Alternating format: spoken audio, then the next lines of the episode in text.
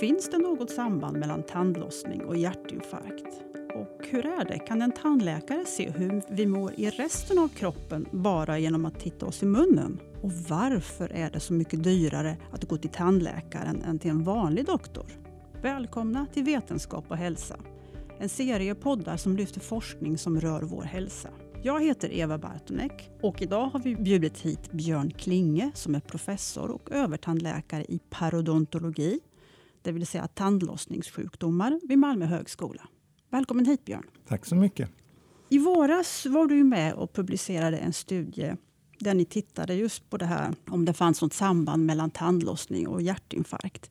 Men jag skulle vilja börja med att fråga dig, hur vanligt är det med tandlossning? Det är faktiskt eh, en mycket vanlig sjukdom. Eh, det är lite grann åldersrelaterat. så att eh, Om man är 40 år och däröver, kanske till och med 50, då räknar vi med att ungefär 40 50 procent av oss har eh, tecken på tandlossningssjukdom. Och då kan det vara kring en enstaka tand eller mer omfattande. Om man räknar med att eh, talar vi om stor sjukdomsutbredning, mycket förlust av stödjevävnaden kring tänderna så att tänderna ibland börjar kännas lösa. Då är det i storleksordningen 10 procent av befolkningen i, i åldersgruppen 50 år och däröver. Så det är en mycket, mycket vanlig sjukdom. Så man skulle kunna kalla det för en folksjukdom? Absolut, och om vi kryper ner så att säga på sjukdoms Eh, skalan eh, i hur, hur, allvarlig sjukdomen är. Det börjar ju med tandköttsinflammation. Eh, och det räknar man med att i stort sett 90 procent av oss har enstaka områden eller större områden med tandköttsinflammation, gingivit som det heter på fackspråk. Mm, om vi skulle gå tillbaka och börja prata lite om den här studien. Vad, vad gjorde ni och vad såg ni? Ja, vi eh, tog upp ett spår som eh, faktiskt är eh, ganska gammalt. Redan i övergången eh, mellan 1800 och 1900-talet, eller i början på 1900-talet, så kom det några studier eh, där man kopplade förändringar i munnen till allmän hälsa. Eh, sedan eh, var det en finsk forskargrupp i slutet på 90-talet, 1990-talet, eh, som visade ett samband mellan infektioner i munnen och eh, hjärt-kärlsjukdomar. Och sen dess så, så, har det här forskningsområdet eh, utvecklats väldigt i världen. I Sverige har vi en del ganska unika möjligheter när det gäller att följa patienter under lång tid och, och väldigt välkontrollerat. Så tillsammans med hjärtläkare och eh, tandlossningsspecialister Eh, och en massa andra eh, specialiteter i grannområdena så fick vi möjlighet att, att genomföra en studie med 800 förstagångsinfarkter, alltså individer som får sin infarkt första gången och lika många eh, hjärtfriska kontrollpatienter. Och där hittade vi då, eller kunde vi slå fast det som man känner till från andra studier, men här mycket, mycket mer välkontrollerat. Då att det är ungefär 30 procents högre risk att få sin första hjärtinfarkt om man samtidigt har tandlossningssjukdom. Finns det någon förklaring till varför tandlossning skulle kunna leda till hjärtinfarkt? Ja, det är så att tandköttsinflammation och tandlossning beror på en infektion, att bakterier samlas vid tandköttskanten. Och sen leder den här bakterieinfektionen till en försvarsreaktion i tandköttet, i mjukvävnaden. Att man får en inflammationsreaktion, en försvarsreaktion. Och så kan det läcka ut i blodbanan både bakterier från infektionen och inflammationsämnen. Och det kan påverka eh, blodkärlens eh, väggar. Hur är det med andra sjukdomar? Då? Har man sett några kopplingar mellan tandlossning och, och ja, andra sjukdomar? Mm. Det finns faktiskt en hel serie olika eh, redovisade kopplingar mellan eh, infektion, inflammation i tandköttet då, och systemsjukdomar. Det kan gälla reumatoid artrit, det kan gälla graviditetskomplikationer, Eh, Eh, det kan gälla vissa cancerformer i mag-tarmkanal och svalg. Så här finns eh, efterhand nu så kommer fler och fler samband redovisade. Naturligtvis får man fundera då på om det här är munhålans infektioner och inflammationer eller om det är någonting i, i vårt försvarssystem som innebär att vi är mer mottagliga för den retningen. Och Det här är forskning som pågår och vi lägger väl en pusselbit till den andra dagligen. Men, men att det råder starka samband mellan infektion, inflammation eh, vid tänder och tandkött och ett antal systemsjukdomar. Det är ställt utom allt tvivel.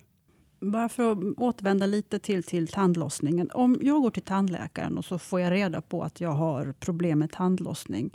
Hur ska jag tänka där? Ska jag gå och kolla mitt hjärta och mina blodkärl? Eller hur ska man tänka där? I, i vår forskargrupp där vi då har eh, hjärtläkare, kardiologer med, så har vi diskuterat mycket kring det här. För det är klart att eh, när vi informerar om detta i olika sammanhang så undrar ju patienter och, och naturligtvis också undrar eh, tandvårdens medarbetare hur ska vi hantera det här. I Sverige så har vi inställningen att om du som patient sitter i stolen med en allvarlig tandlossningssjukdom och, undrar över risken för att det också ska vara kopplingar till hjärt-kärlsjukdomar och annat. Då föreslår vi att du går till din distriktsläkare och får undersökt hur det är med, med hjärtat. I andra delar av världen, till exempel i Amerika, där har den amerikanska hjärtläkarföreningen ihop med tandlossningsspecialister enats om att, att det ska vara en rutin. Har du allvarlig tandlossning så ska du också undersökas för hjärtat. Men vi anser inte att vi ännu har kommit forskningsmässigt riktigt så långt så att vi vill göra en, en generell rekommendation. Kan en tandläkare genom att titta en patient i munnen säga någonting om hur resten av kroppen mår? Kan man säga någonting om det?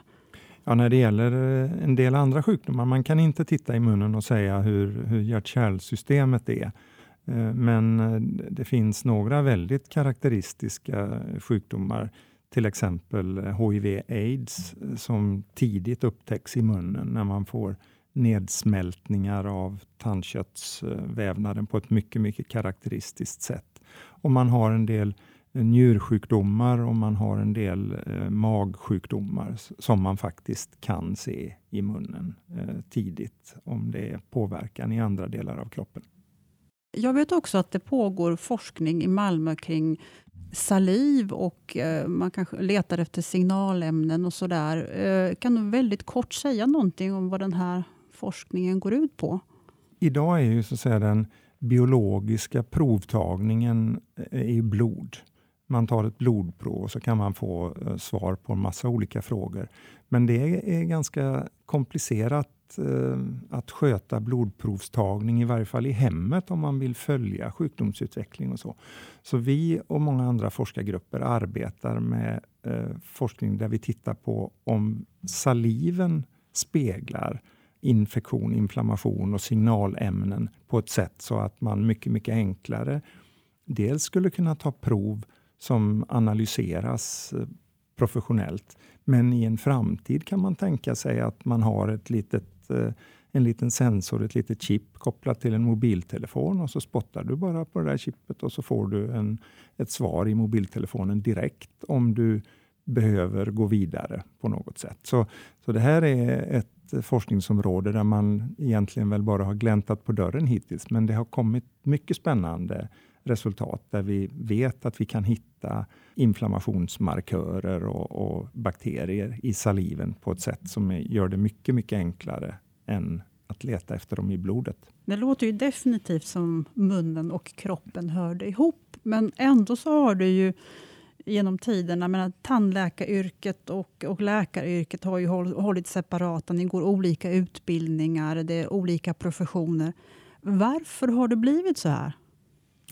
Ja, det är väl en 10 000 kronors fråga, men så som jag har uppfattat det så har egentligen munnen aldrig hört till kroppen, eh, utan den har utvecklats i en väldigt mm, teknisk eh, profession. Så att en gång i tiden så hörde det man kallar för den lilla kirurgin och tandläkeri ihop. Man, det var ett hantverksyrke kort och gott. Och sen har då Eh, Eh, tandvården eh, utvecklat sina specialinstrument och sitt specialkunnande för just det här området, medan då sjukvården har gått i en lite annan riktning. Som det är idag så är det ju egen utbildning, eget försäkringssystem och delvis egen lagstiftning för munnen och för övriga kroppen. Ja, då har jag direkt en fråga här kring det här med eh, olika försäkringssystem. För det är ju så att det är mycket dyrare att gå till tandläkaren än att gå till en vanlig doktor på vårdcentralen. Och eh, det måste ju leda till att det finns människor som avstår att gå till tandläkaren för att de inte har råd. Är det så och hur stort är problemet i så fall? Ja, det är ett stort bekymmer och det här är ju då också kopplat till socioekonomiska förutsättningar. Det vill säga att eh, ju sämre ekonomi du har, ju lägre utbildning du har, är man arbetslös, eh, är man, är man utlandsfödd, så har man inte råd att gå till tandläkaren. Det blir väldigt märkligt om du har ont i en tå eller en infektion i en tå och går in på sjukhuset så kostar det då 240 kronor. Har du en eh, infektion i en tand så kan det bli väsentligt mycket dyrare. Och Det finns då väldigt många, kanske upp till 20 procent i varje fall i vissa åldersgrupper, som anser sig eh, tvingade att avstå tandvård även när de har tydliga problem på grund av ekonomiska skäl. Och Det är någonting som vi eh, i vissa kretsar, i varje fall i tandvården, eh, försöker föra fram i, i politiska sammanhang så ofta vi kan. Att det borde vara rimligt att åtminstone kroniska infektioner, kroniska inflammationer i munnen ingår i, i hälso och sjukvårdens ersättningssystem. Det finns ju de som menar då att, att det här med att ha bra friska tänder, att det framförallt är en kosmetisk fråga. Men jag vet att du har skaffat dig eller låtit tillverka en ganska så hisklig tandprotes. Kan du berätta lite hur den ser ut? Och, och jag börjar med det. Berätta och beskriv, hur, den, hur ser den ut? Ja, den här eh, protesen ser ut som att jag har förlorat några tänder och att jag har ganska omfattande tandlossningssjukdom. Och den eh, kom till därför att eh, där jag hade mitt tidigare arbete på Karolinska institutet så var jag chef också för eh, kliniken för tandvård för hemlösa på Pelarbacken i Stockholm. Och där hände det då och då att eh, jag fick höra beskrivning om de som hade fått hjälp på den kliniken och fått eh, sin tandstatus eh, återställd så att säga. De berättade att eh, helt plötsligt såg socialsekreteraren dem. De fick en möjlighet till bostad och, och, hela livet vände. Och jag förstår ju också att allt är inte sådana solskenshistorier, men jag tänkte att kan det verkligen förhålla sig så att man blir så annorlunda bemött när man ser risig ut i munnen? Så jag lät en av våra duktiga tandtekniker tillverka en tanduppsättning proteser till mig som gick att trä utanpå mina vanliga tänder. Då, där jag eh, ser riktigt eh, eländig ut kan man säga. Och det råkade vara så att eh, morgonen efter det här var klart så eh, skulle jag vara med i en eh, tv-soffa i en morgondebatt med dåvarande socialministern.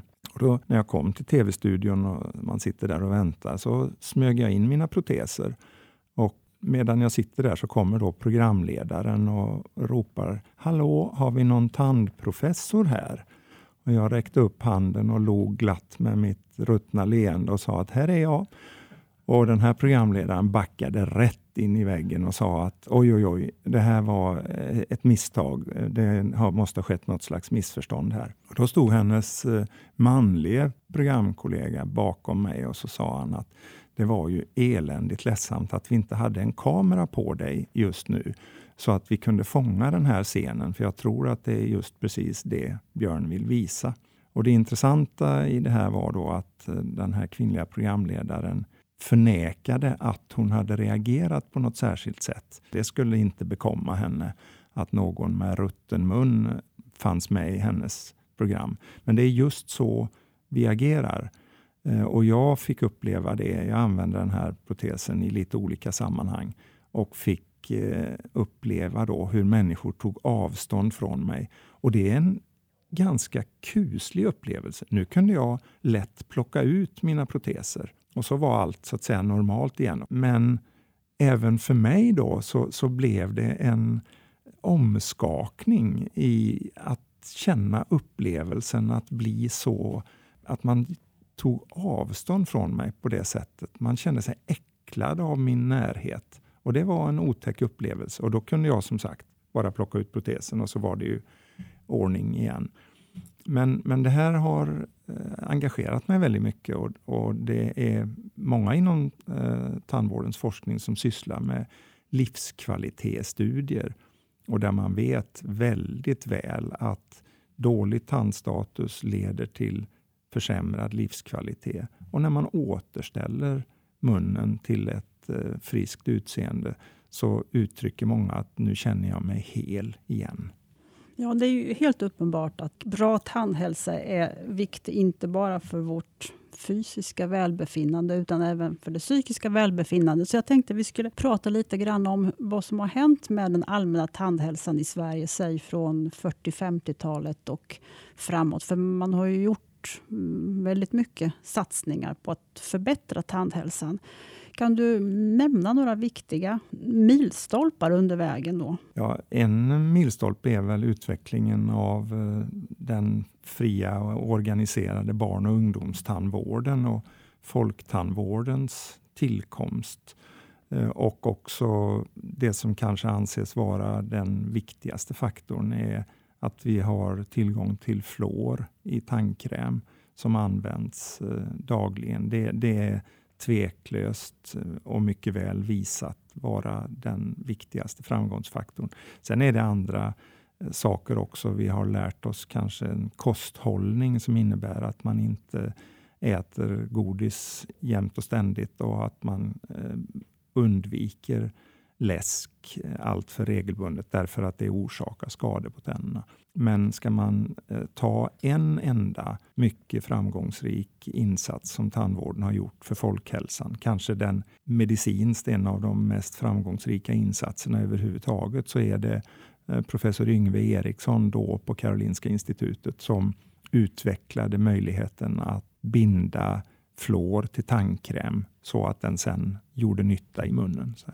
Ja, det är intressant att du tar upp det här med fluor och fluortandkräm. För att eh, för bara några veckor sedan, i mitten på september, så hade Ekot ett inslag om där eh, tandläkare har börjat larma om att det är allt fler, framförallt då föräldrar som ifrågasätter om det inte är farligt med fluor och fluortandkräm. Och om jag ska citera, läsa lite grann ur reportaget så står det så här.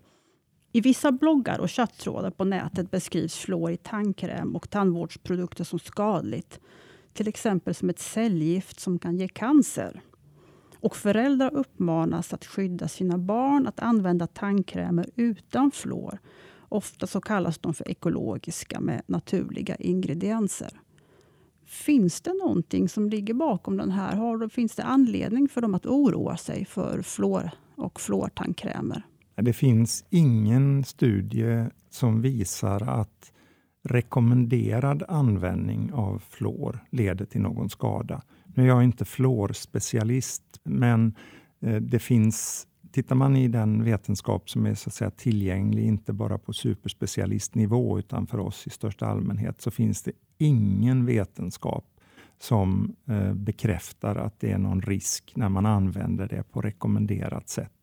Däremot är det så att fluor eh, som grundämne är ett giftigt ämne och eh, du kan eh, skadas av att eh, äta för mycket koksalt. kan man ta livet av sig med.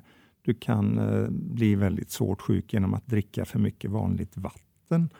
Och Allting som feldoseras eller felanvänds kan ju ställa till skada. Men det finns ingenting som visar att eh, rekommenderad användning ställer till skada. Och Det här är ett, ett jättestort bekymmer. Tandvården är, är djupt oroad över den desinformation som sprids. Därför att skulle man minska användningen av fluortandkräm så är vi rädda för att vi backar bandet till 30-40-talet där barn och ungdomar Eh, utvecklar karies på ett sätt som eh, sen blir bekymmersamt. För har du väl fått en skada i tanden med ett djupt kariesangrepp så måste det lagas och en lagad tand är alltid sämre än en hel tand. Vi är ju många som kommer ihåg flårtanten som kom då när vi satt i skolan. Men eh, flårtanten fasades väl ut i någon gång 80-90-talet. Vad, varför gjorde man det? Och eh, är fluortanten kanske på väg tillbaka?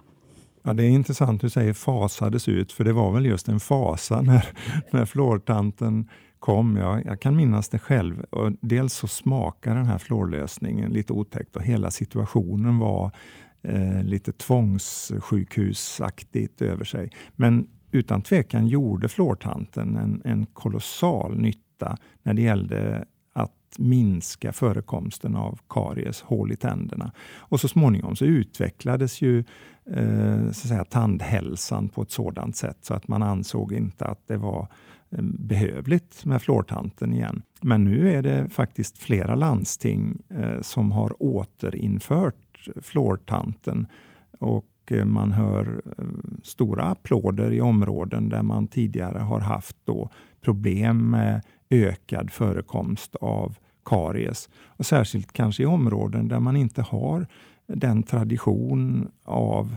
munvård som vi är vana vid. Och så får man då i skolan, alla får möta fluortanten och få möjlighet att, att skölja tänderna med fluor. Så det återinförs i områden där man har särskilt eh, bekymmersam utveckling av tandhälsan och det är mycket framgångsrikt. Kan du på ett enkelt sätt försöka förklara hur, hur, vad fluor egentligen gör för nytta? På vilket sätt skyddar det tänderna? I samband med en del tandskador så löses ytskiktet av tanden ut. Det är ju eh, olika mineral, bland annat hydroxylapatit och annat. När man har fluor i munnen så binder sig fluoren till tanden och då får man en starkare tand än den var innan. Och På det sättet kan man faktiskt också reparera en del tidiga skador i tanden genom att fluor binds in och så får vi en, en, om man kan uttrycka det så, en hårdare tandyta. Det är redan från början det hårdaste vi har i kroppen, eh, emaljen, men även fluorinlagringen i den gör att tanden blir ännu mer motståndskraftig mot eh, att få skador. Så om man skulle uttrycka det på ett väldigt enkelt sätt så kan man säga att fluor inte bara förebygger hål i tänderna utan det kan faktiskt även laga Det kan reparera en del små skador i tänderna. Just det. Fluor är alltså bra mot karies, men vad kan jag själv göra för att förebygga så att jag slipper drabbas av tandlossning? När det gäller tandköttsinflammation och tandlossning, då är det rengöring, mekanisk rengöring. Att man skrapar bort bakteriefilmen runt tänderna och mellan tänderna. Och det gör man ju med daglig tandborstning. Men mellan tänderna kommer du inte åt med tandborsten. Där får man använda någonting annat att göra rent. Där kan det till exempel vara aktuellt att använda tandtråd om tänderna sitter väldigt tätt. Har man fått eh, förlust av lite vävnad så kanske en tandsticka kan vara till god hjälp.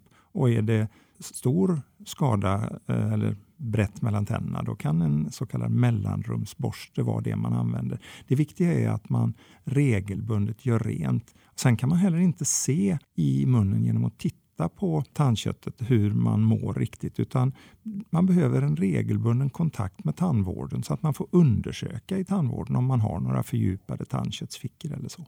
Man kan också se ett tecken på tandköttsinflammation om det börjar blöda när man borstar tänderna, när man spottar och ser lite blod.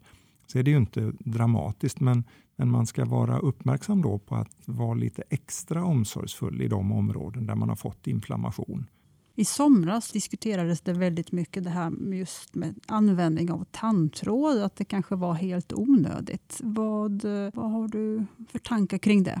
Ja, det blev ju väldigt eh, upphåsat, en av världens viktigaste nyheter helt plötsligt. Uh, och det kändes som också en slags hämnd från massmedia mot tandvården. Här har ni hållit på och sagt så länge att det här med tandtråd är viktigt och nu har vi från amerikanska studier visat att det gör ingen nytta. Det var inte riktigt sant. Det man visade var att det saknas god vetenskap som stöder rekommendation att alla alltid ska använda tandtråd. Att det saknas vetenskap är inte samma sak som att en metod inte fungerar, men den är inte undersökt på rätt sätt. Men däremot så tycker jag nog att, att det är korrekt i så mått att det finns inte stark vetenskap för detta och att, så att säga, ha det som någon slags allmän rekommendation till alla patienter i alla situationer. Det finns inte skäl. Men behöver man göra rent mellan sina tänder på ett effektivt sätt så kan det efter rekommendation från tandhygienist eller tandläkare finnas alla skäl att använda en tandtråd eller en tandsticka eller en mellanrumsborste. Det anpassas individuellt efter professionell rådgivning. Jag tänkte att vi skulle börja avsluta det här med att gå tillbaka och prata lite mer om forskning. Om du skulle eh, göra en tillbakablick vad gäller forskningen. Vad är, vad är det viktigaste som har hänt på, på tandläkarsidan inom forskningen de, ja, under 1900-talet och fram tills nu? Ja, den, den absolut viktigaste eh, saken är ju fluoren lårtandkrämen. Och sen också förståelsen för hur sjukdomarna utvecklas och munhygienens, den regelbundna munhygienens betydelse för att undvika sjukdom. Det har hänt kolossalt mycket på materialsidan. Vi har ju fasat ut amalgamet. Det finns inte längre i svensk tandvård och vi har betydligt bättre lagningsmaterial. Man kan tycka att det är små saker som ska stoppas i tänder. Det är väl inget stort problem materialmässigt, men det är en kolossalt komplicerad miljö där den ska klara allt från eh, glass till eh, skållhett kaffe till exempel. Och Det ställer stora krav på material. En annan sak som faktiskt ju har sin forskningsmässiga upprinnelse i Lund är, är eh, titanimplantaten att kunna ersätta förlorade tänder med nya fastsittande implantat. Eh, professor Per-Ingvar Brånemark, eh, som då var knuten till anatomiska institutionen i Lund, utvecklade ju eh, den här kontakten mellan den kroppsfrämmande titanmetallen och benvävnaden i sina blodflödesstudier experimentellt här i Lund och sen flyttade han så småningom till Göteborg och där då första patienten opererades 1965.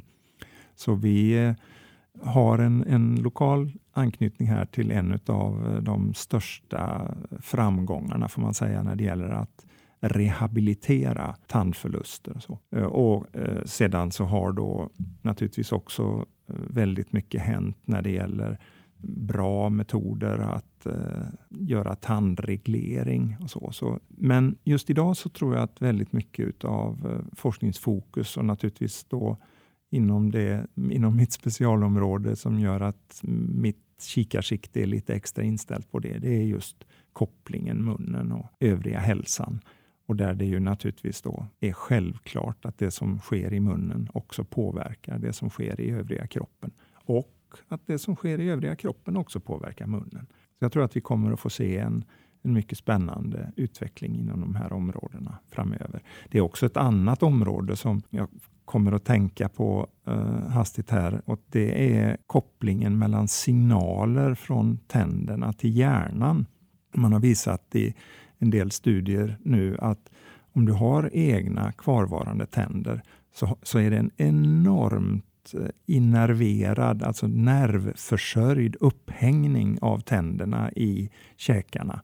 Och det signalerar eh, till hjärnan och om man blir av med tänderna så släcker man ut det här signalsystemet. Och nu är ett hett område att man tittar på utvecklingen av demens och signalering eh, till hjärnan. Naturligtvis är inte munnen den enda orsaken till det här, lika lite som det är till eh, hjärt-kärlsjukdomar och så. Men munnens bidrag till den allmänna hälsan är alldeles tydligt mycket starkare och större än vad vi tidigare har trott. Så för att bara avrunda det, vad tycker du är tandvårdens största utmaning här framöver? Jag tror att tandvårdens största utmaning framöver det är att bibehålla den goda munhälsan. Det är nämligen så att mina barn eh, har vuxit upp i en slags tro att man föds och kommer att dö med, med friska tänder utan att tänka så mycket på att det kräver egen insats. Jag som tillhör eh, den så kallade heavy metal-generationen, jag som är lagad i de flesta tänderna, vet eh, att det kräver stora egna ansträngningar för att behålla munhälsan. Och Det tror jag är vår stora utmaning framöver att få den uppväxande generationen att inse att det kräver egna insatser hela tiden. Och Det är också en utmaning för oss med stora grupper eh, invandrare som inte har den bakgrunden eh, när det gäller oral hälsa, tandhälsa, munhälsa som vi har. Att involvera dem i egenvården och också i värdet av den regelbundna kontakten med tandvården. Tack Björn Klinger för att du ville komma hit. Tack, det var ett nöje. Du har lyssnat till en poddserie om forskning som produceras av redaktionen vid Aktuellt om vetenskap och hälsa. Inspelningsproducent George Godfrey, Skånes universitetssjukhus. Mer information finns på vetenskaphalsa.se. Du kan också följa oss på sociala medier.